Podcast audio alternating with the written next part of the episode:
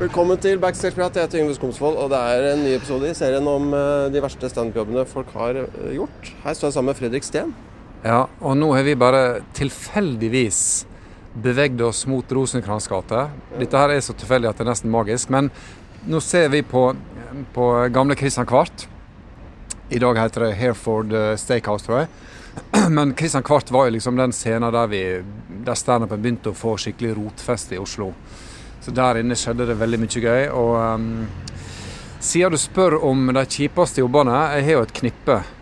Du, du går ikke an å være komiker uten å drite seg ut. Altså Hvis ikke du er blitt uh, godt av scenen med verdens verste, verste følelse i magen, så, så har du ikke Da er ikke du komiker, mener jeg.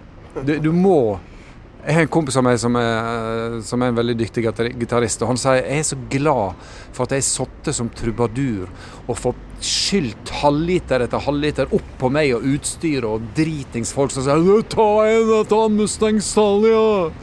For den erfaringa den er faktisk veldig nyttig. Men på Kristian Kvart Jeg husker en kveld Jeg hadde en periode der jeg var veldig mye konferansier. Uh, og uh, det gikk uh, Jeg hadde fi, fine jobber der, husker jeg. Men en kveld så er det et bord som sitter helt sammen med scenen, som ikke hadde bestilt noe standup. De hadde altså løst billett for å sitte og ha møte ved scenen. Så de, de uttrykte stor irritasjon over at det var lyd fra scenen, og at det ble snakka derifra. Og, og de ville ikke holde kjeft. Uh, så jeg prøvde jo etter hvert å liksom tilnærme meg litt dem, uh, og, og, få dem litt sånn på glid, og få dem til å bli kompis. Så jeg begynte å snakke med dem fra scenen, og skulle håndhilse på et par av dem. Så tok han ene, først og hilste på én, så tok han andre som jeg tok i handa, og tok tak i handa mi og drog meg over bordet, så jeg gikk salto over bordet og ramla ned på gulvet. Og jeg klikka. Jeg stoppa hele showet. Hvorpå denne fyren her sa Veit ikke du hvem jeg er, eller? Det driter i, sa jeg. Du skal ut herifra. Ja, ja, faktisk. Et eller annet, et eller annet restaurant, interessefagforening, et eller annet sånt. da. Så det spiller ingen rolle. Du skal ut. Og det ble skikkelig sånn pinlig filmstemning. Men jeg ble så forbanna. Jeg kunne ha knekt nakken. Det er jo kjempeskummelt. Ja, det var dritskummelt. Så han ble faktisk til slutt kasta ut. Men han var ekstremt indignert, og han skulle snakke med sjefen, og det var ikke måte på. det. Så det, det er ganske pussig at folk velger å legge De velger altså å betale 180 kroner for å gå inn og så ha møtet sitt på en plass der det er show eller konsert eller hvor som helst. da. Skal litt til at det skjer i dag, kanskje? Ja, det, det, skal det. Og den gangen så var ikke, var ikke, vaktene flinke nok til å være våkne i dag. Altså I dag får du bare et halvt minutt med, med sånt bråk før du blir kasta ut, heldigvis. Uh, men jeg har ei episode til fra Kristian Kart. Den er kanskje verre. Det er jo slik at når du uh, begynner som komiker, så får du veldig mye gratis til å begynne med. Du har mye nybegynnersjarme. og og folk vil det vel. Det er, liksom, det er mye saft i kroppen, og folk ser at her er en som skal opp og fram, han hjelper vi. Men etter en stund, da, når du begynner å miste den der nybegynnersjarmen, så må du begynne å jobbe. Uh, og så i mitt tilfelle så begynte jeg kanskje å få litt sånn overmot. Tenkte at det var bare å sprette opp, og så ja, ja, ja, ja, ja, det går seg til. Men det var en kveld da jeg um, fikk ikke kontakt med publikum, rett og slett. Eh, og, og, du vet den følelsen av at de, de ikke liker deg. Eh, og det var stappfullt. Jeg var konferansier og gjorde greier. Vi prøvde etter hvert å gjøre det så kort som mulig, men så prøvde jeg å dra noen lengre strekk innimellom. Men på aller første rad, der sitter Dan Børge Akerø. Han sitter rett framfor scenen. Alle ser at Dan Børge Akerø sitter der. Og alle ser, alle ler når Dan Børge ler. Såpass. Ja. Var dette på den tida da han hadde sånne talkshow på fredager ja, og lørdager? Ja, da var han konge. Da var han talkshow eh, Fredagen og lørdagen. Og, lørdagen og Gi meg en skikkelig applaus! Det var den tida, da. Uh, men uh, jeg fikk ikke sving på det, og det var, jeg, var, det, jeg, jeg, var bare Jeg hadde ikke grepet den dagen. Men Og jeg prøvde og prøvde og ville ikke gi meg. Og til slutt så ser jeg at Dan Børge sitter med armene i kors, og så rister han på hodet sånn stille fram og tilbake. Og alle ser det. Og jeg får ingenting på vitsene mine. Og så hører jeg helt bakerst fra lokalet, der det er en som gjør sånn Jeg syns du er morsom, jeg! Og det var Ingar Helge Gimle. Oh, ja, Ja. Og eh, eh, jeg har faktisk snakka med han om den episoden i etterkant, og han kunne faktisk huske det. Og så spurte jeg meg var du, var du sarkastisk ironisk, eller var det Syns du det var morsomt? Nei, jeg, jeg, jeg syntes du, jeg syntes du fortjente å få litt eh, oppmerksomhet og litt eh, applaus og litt eh, Ja, du trengte et lite dytt. Så det var, det var, en, det var en, ja, den verste opplevelsen på Kristian Kvart. Og den, den følelsen av å gå hjem igjen da. Altså, du føler deg aldri bedre enn din siste jobb. Ja, jeg har et par, par til også. Skal vi, skal vi gå og flytte oss, eller? Ja, vi skulle egentlig på en kaffebar. Der var det et kjøleskap som bråkte. Ja. Men vi kan gå på um, Vi kan gå rett ned i Rosenkransgata her.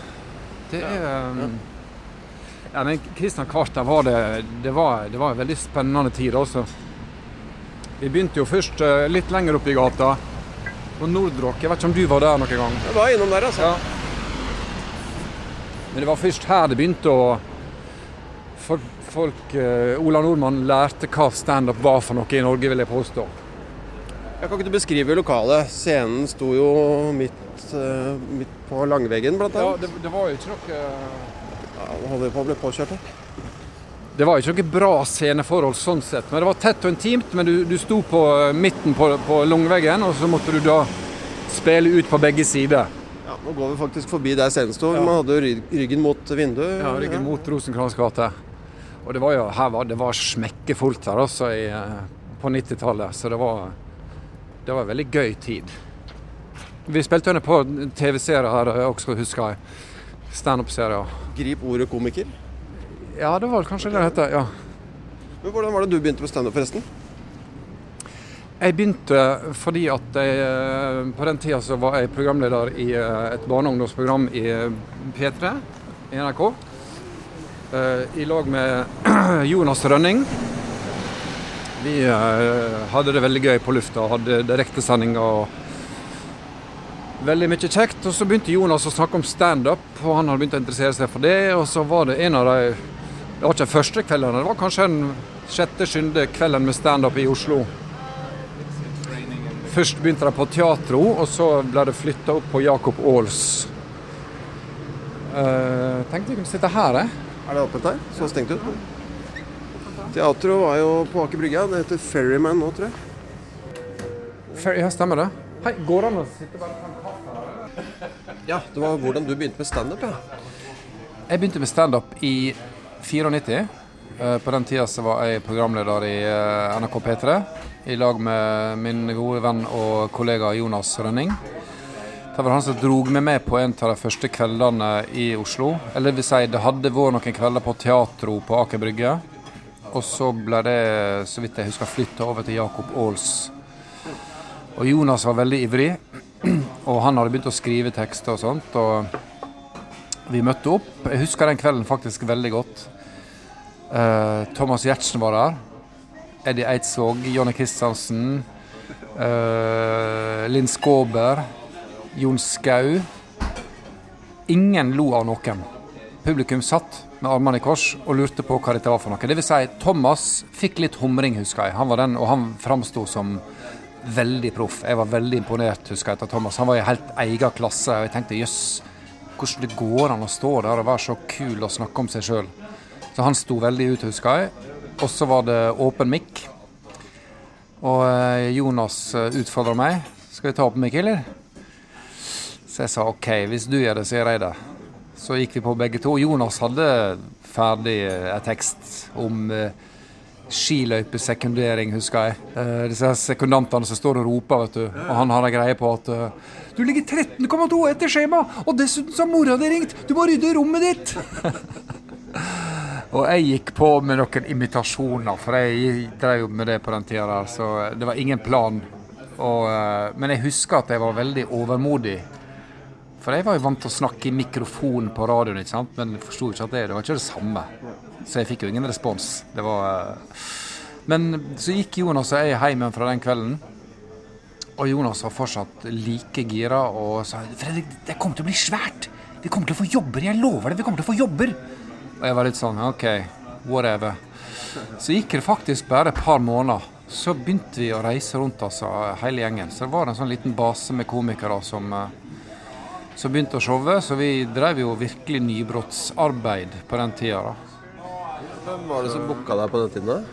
da? På den tida så var det Eddie Eidsvåg var den som, eh, som begynte å starte et kontor som booka oss. Var det det som het Søkk? Standup Comedy Klubb Norge? Det var Søkk Norge, ja. For det var inspirert av tilsvarende klubb i Sverige med samme navn, ikke sant? Ja.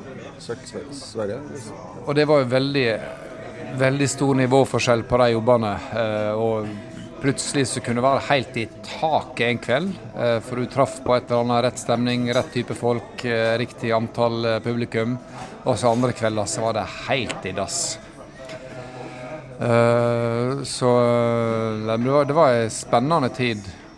Og i 97 så husker jeg da var det mm, forløperen til Standup Norge. Jeg husker ikke hva det heter den gangen. Kanskje det var Standup Norge. Eh, det var i hvert fall Elina som, som booka den gangen også. Som booka Øyvind Loven, uh, Baste Bolstad og meg på en turné i Sør-Norge. Og da gjorde vi 30 jobber på like mange dager.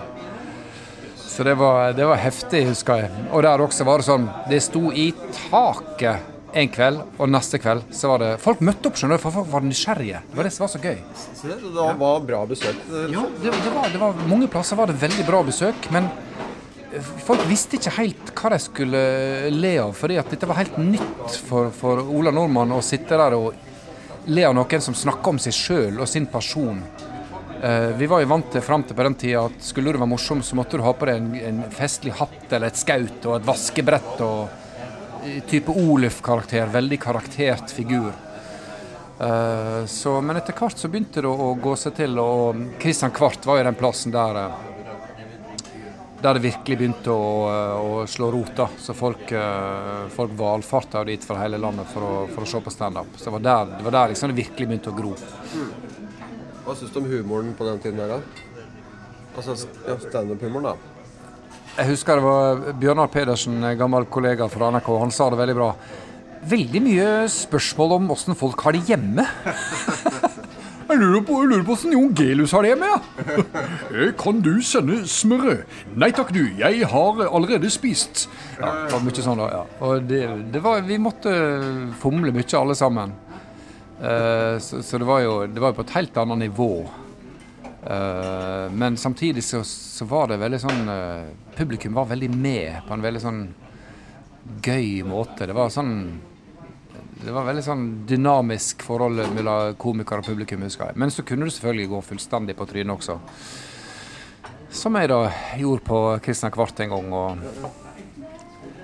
Men hva med de jobbene på den turneen du var på? Var det noen av de som gikk eh, skikkelig, egentlig? Uh, ja, jeg husker en jobb på Søgne utafor Kristiansand.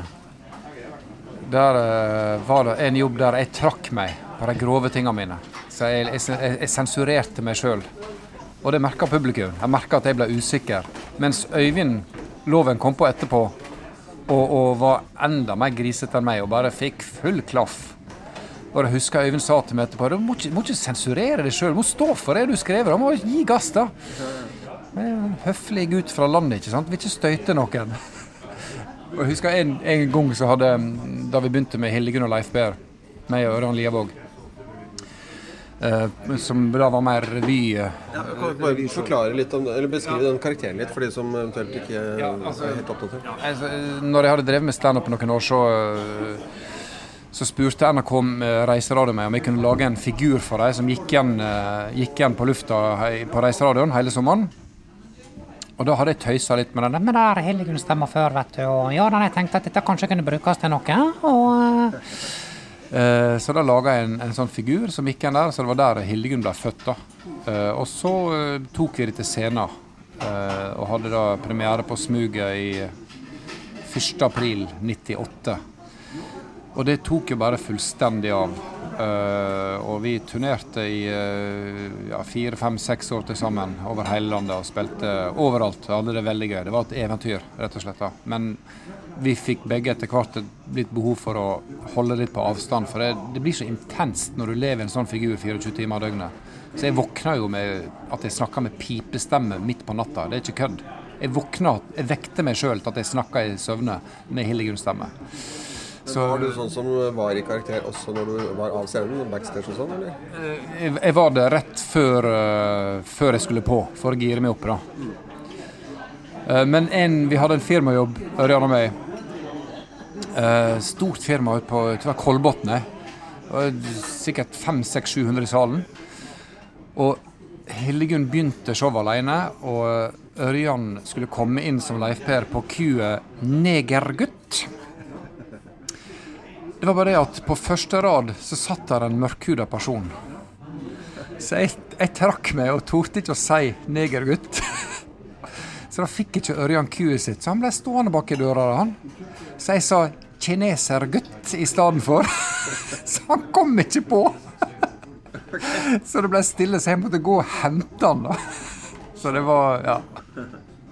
Men eh, Nei, min, min mest skremmende opplevelse på scenen, det er kanskje en jobb jeg hadde i Haugesund en gang. Haugesund er kjent for å være litt vanskelig, det? Ja, Nå er det mulig at jeg støyter en del folk, men haugesundere det er lite tilgjengelige folk, altså. Det er Jeg, jeg veit ikke. Jeg har aldri, jeg har aldri fiksa Haugesund eh, showmessig, det må jeg bare si. Det er jo slik at en, en trives godt i forskjellige byer. Jeg elsker Bergen. Eh, Moss funka fint. Son var jeg kosa meg, vi hadde klubb der i mange år. Eh, Trondheim går fint, men Kristiansand og Haugesund nei, funka ikke for meg. I Haugesund, Det eneste stedet jeg har kost meg i Haugesund, det er på hva heter det, Støden? Studentstedet. Der, der, har jeg hatt det morsomt, men, eh, men ikke ellers. Nei. Dette her var på en pub som heter Dixieland. Eh, da hadde Elina booka en miniturnør til meg, husker jeg. Firejobbers turné på Vestlandet. Og alle jobbene gikk veldig bra. Og så var det Haugesund som gjensto. Der inne på den puben som heter Dixieland, der satt der 20-30 tilårskomne, delvis eh, ja, tilsynelatende lett alkoholiserte menn. Og de hadde ikke bestilt noe standup-show den kvelden. Det skal jeg love deg. Så jeg hadde ikke snakka mer enn i 25 sekunder før det fyker opp en illsint fyr på et par og 60. Han kom bort med pekefingeren opp i nesa mi og sa Du, jeg kom hit med godt humør. Må du faen ikke stå der og prate piss. OK, tenkte jeg. Hvor går vi herifra? Og så prøvde jeg å fortsette litt til, og da kom det to yngre fyrer bort til scenekanten og sto og slo knyttnevene sine sånn i, i håndflata si.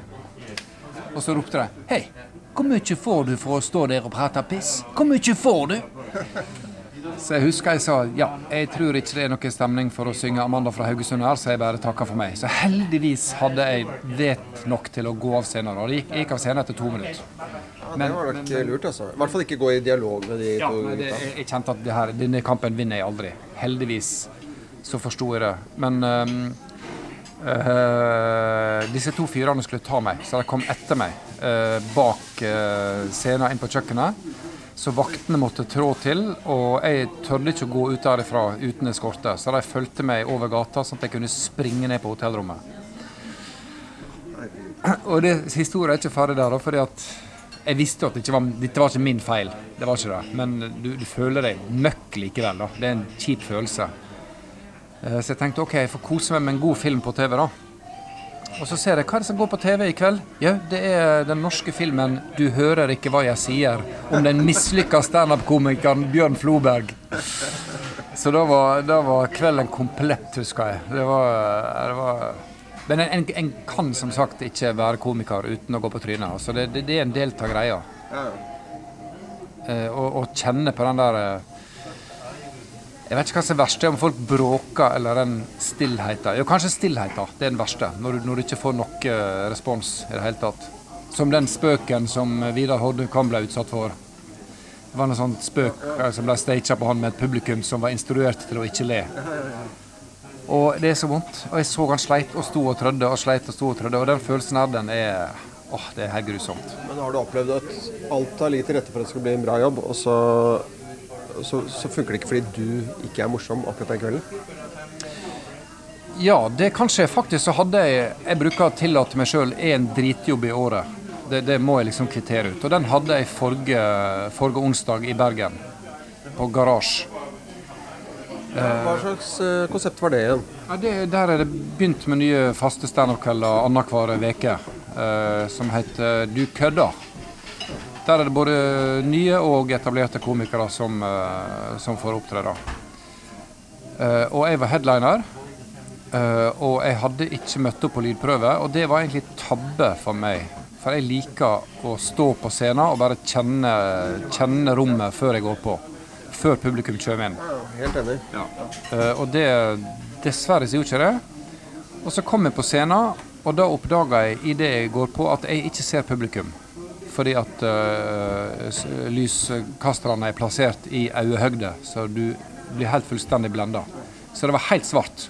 Jeg så absolutt ingenting. Ja, for du liker å se publikum, du? Jeg vil se publikum, uh, og jeg vil høre min egen stemme. Jeg... For, for, noen vil jo helst ikke se noen, ja, ikke sant? Ja. Og noen vil heller ikke høre sin egen stemme i, i, monitor. Jeg vil jo helst ha monitor. Jeg er jo en av få som ber om monitor. Ja, så liker det, for da ja. slipper du å tenke på om de hører deg, liksom. Ja, altså hvis jeg hører min egen stemme dårlig, så, så begynner jeg å rope ja. og, og, skrike. Så jeg, jeg, liker å ha monitor. Men jeg følte meg som en fisk på landet, og jeg gjorde rutina mi, og, og jeg hørte at de lo på de rette plassene innimellom. men jeg, jeg, kom ikke i flytsona, eh, men det var min feil. Jeg burde ha sjekka det på forhånd. Hadde jeg visst om det, så, så, eh, så kunne jeg på en måte psyka meg inn på det. Men, men, det var fullstendig ødeleggende for meg å bare bli blenda. Så jeg, jeg mista blikkontakt med publikum, og da hadde jeg ingenting av det. Det var som å danse med én fot. Men hvordan eh, ser lokalet ut der? Hvordan har de rigga til scenen og sånn? Nei, Det er en sånn hjørnescene, litt sånn type klubb, rockeklubblokale. Helt svart. Det er nede i kjelleren? Ja, ja nede i kjelleren. Og uh, egentlig et fint lokale for standup, bortsett fra en stor stolpe som er midt i lokalet. da. Den evinnelige stolpen. Den obligatoriske stolpen. Ja. Men, jeg husker jeg kom inn på Christian Kvart en gang. Uh, apropos det. Og du sto på scenen. Jaha. Og akkurat idet jeg kommer inn, så er det en fyr som står og ser på sammen med noen venner, og så snur seg mot vennene sine så henviser han til deg, og så sier han 'Han der er rutinert'. er det sant? Å, oh, så gøy. Uh, en annen eh, opplevelse fra Kristian Kvarte Det var ikke en flause, men det var da vi spilte inn den eh, ene TV-serien der. Så uh, hadde jeg en tekst som var signaturteksten min den gangen, som jeg var veldig fornøyd med. Og det var min hang til å få sånne venninner som bare skulle prate. Ja. Jeg, jeg suger sånne venninner til meg. De sirkler rundt meg som, som flåger. ikke sant? Og så går teksten på at uh, jeg fikk en sånn venninne, og så uh, Veldig hyggelig sånt, men jeg var jo kanskje litt gira på ikke sant? Men så fikk hun seg kjæreste, og likevel ville beholde meg som venn. Uh, og begynner da å fortelle om hvor fint hun har det med den kjæresten. Og vet du hva, Vi har det så deilig, vi har det så fint, og han er så til stede. Og vet du hva, i går så våkna vi ganske tidlig. Og så skrudde vi på radioen, og så var det mor morgenandakten på radioen. Og så elsket vi til morgenandakten. Det var så pirrende. Og hva skal en sprengkåt ungkar trøste seg med da? Hæ? Vente en halvtime, skru på radioen og runke til nitimen? Det var den vitsen, da. Og den fortalte jeg da, gjorde jeg da på den TV-serien. Og far min, min konservative far, fra Haugesund faktisk, han Jeg sier ikke ordet runke på TV, så han gikk jo helt i frø. Og vanligvis far min bruker å ringe sånn en gang i veka minst for å høre hvordan det står til. Han ringte ikke, så jeg måtte ringe han. Så jeg bare knisa og godta meg, da, og så eh, Jeg hørte at han unngikk temaet. Ja. Uh, og uh, så prøvde jeg å fiske det fram. Og, ja, så du standup-serien på TV nå på lørdag? Ja, jeg gjorde det. Det er det flaueste jeg har opplevd i hele mitt liv, Fredrik. Ja. Jeg bare lo av det, da. Eh, det som var veldig gøy, at mine besteforeldre hadde også sett det. De holdt på å lese igjen. De syntes det var så kult, da. Når en har drevet med standup noen år, så lærer en seg noen triks, selvfølgelig. Og uh, som regel så klarer jeg å, å, hale ting i land. Altså Av og til så møter du et publikum bare som, som rekker til 60 og da er det viktig å ikke pushe det. da det er iallfall sånn, jeg, jeg, ser, jeg, kjenner på det. Ok, her, ok, dette er en gjeng som er ok, konservative menn på 55 pluss i dobbeltspent dress. da, hvis jeg får det opp til 65, så bør jeg ikke pushe det mer det da. At responsen aldri blir 100 av så, og hvis en, hvis en pusher det med det, så kan en oppleve at da kan en ødelegge det. Så av og til så må du være fornøyd med at jo, dette var en 70% jobb. da. Men, men jeg opplever sjøl iallfall at jeg, jeg ble en mye tryggere komiker når jeg begynte å rett og slett drite i publikum. Uh, og tenke at OK, hvis ikke de har det gøy, så skal iallfall jeg ha det gøy. Uh, jeg var i um, Moss, nei, hvor var jeg? Fredrikstad i fjor, gjorde en klubbjobb. Og jeg var headliner, og alle sleit på scenen. Det vil si, konferansieren var veldig morsom. godeste Anders McCauley. Og det var ingen som klarte å få det til å løsne. og jeg fikk heller ikke det til å løsne så veldig. Men jeg hadde det veldig gøy sjøl. Og det er liksom forskjellen på en, en god og dårlig jobb for meg. For da vet jeg at OK, jeg har faktisk hatt det kjempegøy. Jeg har gitt gass, og da kan være da kan responsen være akkurat sånn. Da kan ikke du bli sur på publikum for at ikke de liksom ga det mer. da. Men, men, men for meg så funker det godt å bare roe ned til å begynne med og tenke at jeg skal ha det gøy. Uh, og hvis en begynner å stresse for mye til å begynne med, så kan en også miste det. Så jeg, hvis ikke folk ler sånn skoggeler de første to minutter, så er det bare OK, bare stå. Stå i det. Kose seg. Slappe av. Søke blikkontakt med publikum. Så bruker det som regel å løsne etter hvert. Men det er jo en kunst å, å lese sitt publikum. og det, Noen er jo veldig kompromissløse på det, og det er faktisk det har jeg stor respekt for. Sånn som Dag Sørås, f.eks., som er fullstendig kompromissløs. Han blir booka inn på jobb på eh, Kongsberg våpenfabrikk og tar deg ned før ikke sant? og virkelig gir deg inn. Og som han sa, jeg får ikke noe jobb der igjen. Jeg gjør ikke det, selvfølgelig. Men han kan ikke stå der og lyge. Han kan ikke stå der og late som Kongsberg våpenfabrikk er noe kult når han ikke syns det. Så jeg er litt mer sånn feig komiker der. Jeg tilpasser meg uh, publikummet litt mer, da. Så, så der, det er nok Ja, det er litt mer sånn feigist av meg. Men, uh, men, jeg sier også nei til, til, jobber som jeg ikke kan stå for. Det. Altså, jeg, jeg, jeg ikke jobber for våpenindustrien. Men jeg burde kanskje ha gjort det sånn som Dag Sørås gjør det. Det er det som er tøft. Det er det du blir huska for. Så kred til han for det.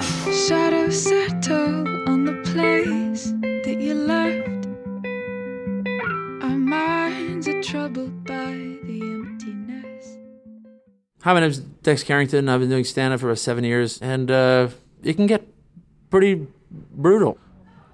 So, when you are bipolar, you take a seemingly infinite supply of pills. Therefore, you need to surround yourself with criminals that have those pills so you can buy them off them.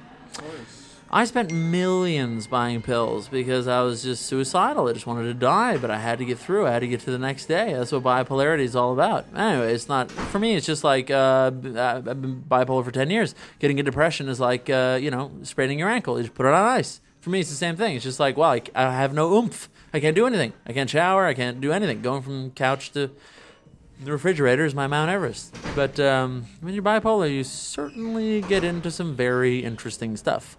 I just remember when I was uh, when I was about uh, 23, my girlfriend broke up with me. Then, of course, as a bipolar person would, I called my friend Mike McQuiston in Canada. I go, "Hey, how's it going?" He's like, "Hey, man, we just hired a dude to film a bunch of stuff where we're taking a whole bunch of Coors uh, Light uh, products all over the country and hosting parties with FHM models. So that's too bad that we already hired a guy." And I go, "Mike, you need to fire that guy." That guy needs to get fired. Anyway, I'm on a plane the next day to Canada because I don't give a shit. I'm bipolar. I have no fucking idea what I'm doing. Anyway, so I'm in Canada now, and you know shit's going down, and uh, it's uh, pretty, pretty fucking you know uh, next level. And I remember at one point I was in Whistler, and my job was to film these parties. So I wake up in the bathroom. Okay, so I'm lying in like a fucking like just mess of my own puke as I wake up, like, uh, like hating the world. Anyway, I jump in the shower quickly. I find, of course, my uh, you know, uh, uh, uh, toiletries case, and in there is a seemingly infinite supply of codeine, hydrocodone, oxycodone, oxycontin, dull cotton. You had all kinds of hydromorphone. There was Valium. There was, uh, you know, oxazepam, allotrazolam. You had all the good stuff. So I just woke up there after showering all that vomit off me and just freaking down 10 Valium, and I downed about freaking, you know, 10, 10 codeine tablets, and then I put on a freaking Coors Light cowboy hat, and I downed it all with a whole bunch of Hennessy. Then I walked into the room, and in that room, there were uh, 10 to 17 FHM models that were just getting dressed into their FHM Coors Light bikinis. So I walked into a room with a cowboy hat, naked, with a whole bunch of other FHM chicks, and that was just part of my life that I would do for uh, years and years and years. And that was a Tuesday. Like, that was a Tuesday. What do you think I did on a Saturday? A Saturday was not a good deal. At one point, I was standing there, and the cops came up to me and said, Hey, man, your friend is peeing on a public building. You just asked a guy down the street to buy a whole bunch of morphine off him. Of course, I'm going to have to search you. But other than that, what the fuck are you doing? And I go, wow, that, did I really? That's so weird. I can't believe it. I literally had about three to seven years worth of prison time of drugs on me literally. I think I had about 3,000 pills and about 10 grams of cocaine in my sock. And I said, search me. Ah, oh, how about this? How about we just go home because we don't know how drunk we are and we can just get out of here. Anyway, so by some weird uh, fluke, I always got out of every situation ever. And that's why I'm here today without a criminal record and things are going well and I don't have a neck tattoo. How many times have you been arrested? You know, I'd just like to start off by saying that in the course of my lifetime, I've probably done about uh, 2.8 million kroners worth of cocaine and uh, you know, and uh, I I, uh, I just think that uh, you know a, a, person like me, who's a good person with good intentions, shouldn't uh, deserve to be arrested for something that should be sold uh, basically at a kiwi. Because here's the thing: paracetamol is about 600 times more poisonous for you than morphine, LSD, or cocaine, and sugar is nine times more addictive than cocaine, and 80% of the entire supermarket is made up of sugar. So the only reason we don't know that we're addicted to sugar is because we have it all the time. Up until 1924, heroin was sold over the counter. Milk, bread, heroin. Thanks. That was it. How would you know you were addicted to heroin? Just take it four times a day and move on. That's it. That's all you do. Addicted to heroin? What are you talking about? Just buy it every day. You know what I mean? It's a, I mean, it's the equivalent of being addicted to pate. What are you doing? Just buy it all the time. Yeah, there's, no, there's a kid on the fucking cover, and it was a good shit. So, so you know, uh, the whole point is, uh, if you ever want to get out of a police altercation, then the only thing is you only have to remember certain few principles. Number one, people only want to be seen, they want to be heard, and they want to be loved.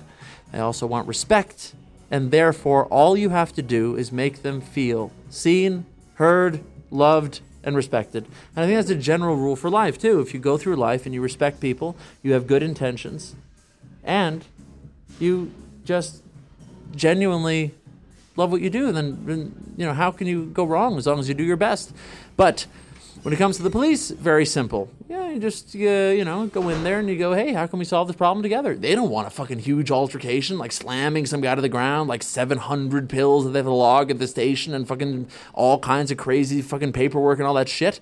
They just want to go home. They just want to go home and be with their fucking you know wife or or or, or uh, significant other. But here's the thing: if you really want to get away from any police altercation ever, then all you do is you find out what illusions this person has made about their life and how important they are and how much meaning they have in society and how they're great. And every person has to be this, you know, the hero of their own story. They really do. And so, as you know, if you're a good person who can actually gauge the situation, you go, "Wow, this is a guy who really wants to be seen as macho." Hey, holy shit, you've been working out. He's like, whatever.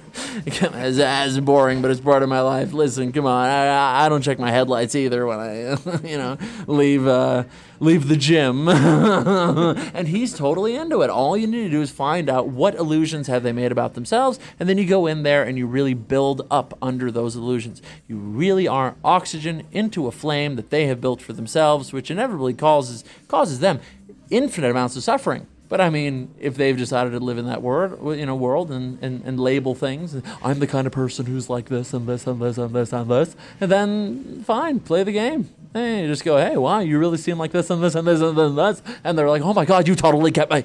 And that's why it totally works out fine every time. Just be nice to everybody all the time. You never know what anybody's going through. The police officer arresting him is probably going through a divorce. He hates himself. Everything's terrible. He's just started on antidepressants and he's there like, do you have drugs? Like some guy told me you had drugs. He just wants to go home. So he's like, no, I don't have drugs. I just I'll go home and not be part of the drunken rage on a Saturday. Oh God, thank God, thank you, thank you. You know what I mean? So don't think that these guys, just because they have broad shoulders and fucking walk around with some weird fucking illusion of a baton they're never going to use, what are they going to use that for? Beating people down? Like, who are they? The fucking brown shirts before the SS? I mean, let's calm down. So, anyway, they're not going to do shit, but that's not the point. Don't hurt people, be nice to people, treat everybody with respect. You know what I mean? Like, in the same way I don't respect you, I respect everybody else same way. You know what I mean? That's a great way to say And you're welcome, and that's a good way to see it. So now we can all see it clearly, I think.